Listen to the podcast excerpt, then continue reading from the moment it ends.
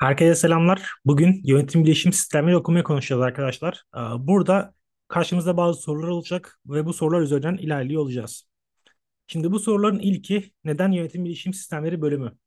Arkadaşlar bugün baktığımız zaman artık teknoloji çok daha hızlı değişiyor, çok daha hızlı şekilleniyor ve böyle bir dönemde bir meslek seçmek yerine size başka meslekleri sevk edebilecek, diğer meslekleri de öğrenmenizi, yeni meslekleri öğrenmenizi sağlayacak bir sistem görmek daha iyi olacaktır.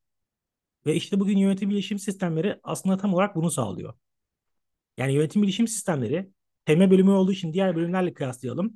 Diğer TM bölümlerine nazaran size bir meslek, bir uzmanlık vermez.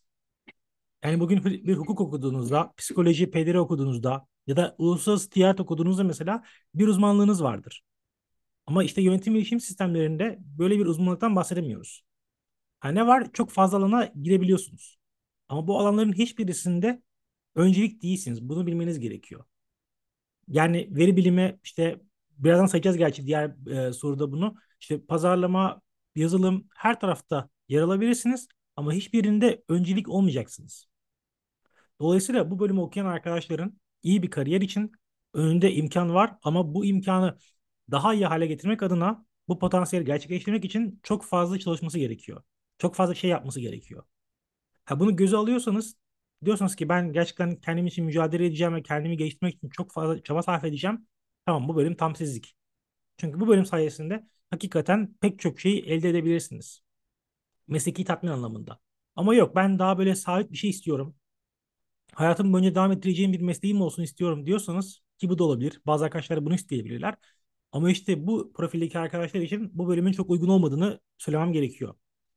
Peki neden bu üniversite? Şimdi bu soruyu sorduğumuzda genellikle iki farklı yanıt oluyor bunun. Birincisi halihazırda arkadaşımız İstanbul'da yaşıyor olabilir ve şehir dışına çıkmamak için bir vakıf üniversitesi tercih etmek isteyebilir İstanbul'da. Bunun haricinde diğer şehirlerdeki arkadaşlar da belki tam bursu kazanmışlardır. Bunun için gelebilirler İstanbul'a. Ya da aynı şekilde İstanbul'da okumuş olmak için gelebilirler. Şimdi ikisi için de aslında bu üniversite bence kabul edilebilir ve bu istediğiniz imkanı size sağlıyor. Çünkü hakikaten İstanbul'un çok farklı bir e, belki haksız rekabete oluşacak bir avantajı var bu konuda. Diğer şehirlere göre belki Ankara, İzmir yanına kıyaslayabiliriz. Ama bunların haricinde maalesef diğer şehirlerde çok buradaki fiziki imkanı elde etmeniz mümkün değil. Dolayısıyla İstanbul'da bir vakıf üniversitesi iyi bir tercih olabilir. Peki üniversitenin artıları ve eksileri neler? Şimdi baktığımız zaman en büyük eksisi diyebileceğimiz kısım şu arkadaşlar.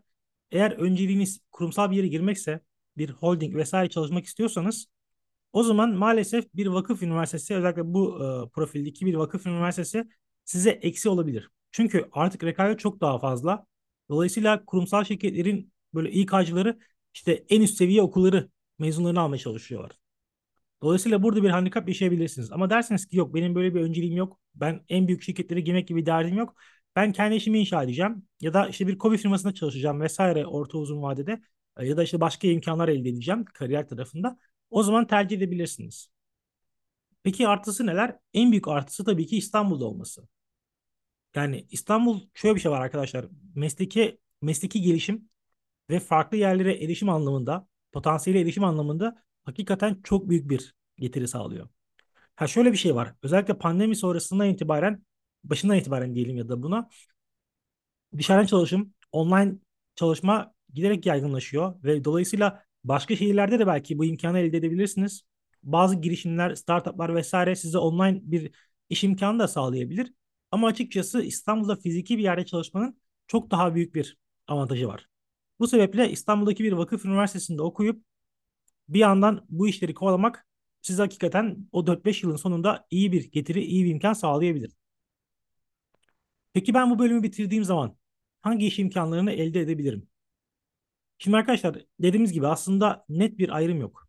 Yani programlama uzmanı olabilirsiniz, işte developer olabilirsiniz, designer olabilirsiniz, tasarım yapabilirsiniz.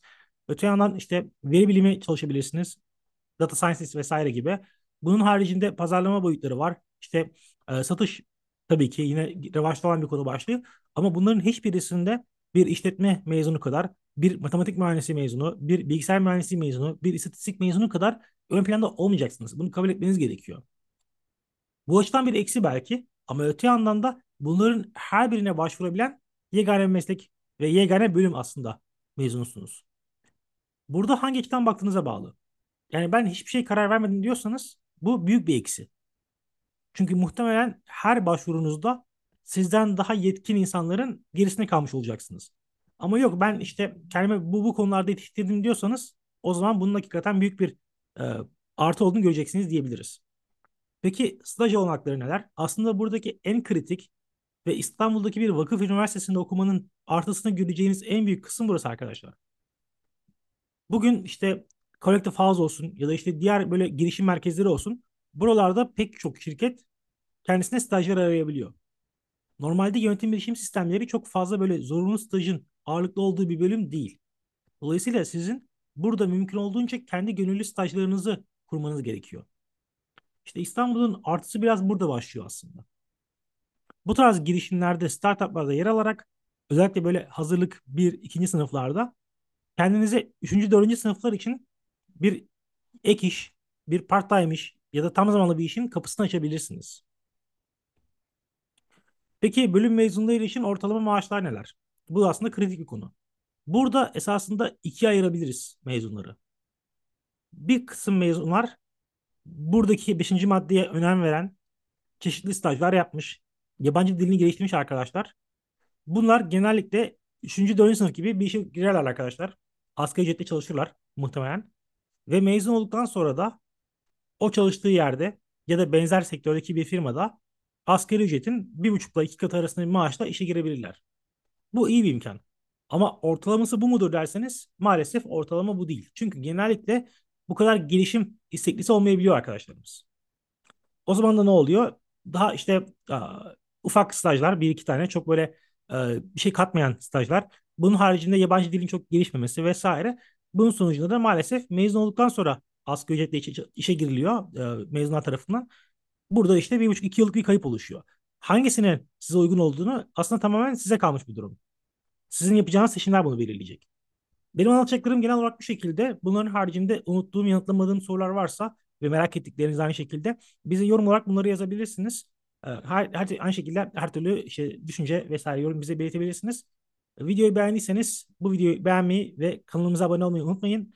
Önümüzdeki videolarda görüşmek üzere. Şimdilik hoşçakalın.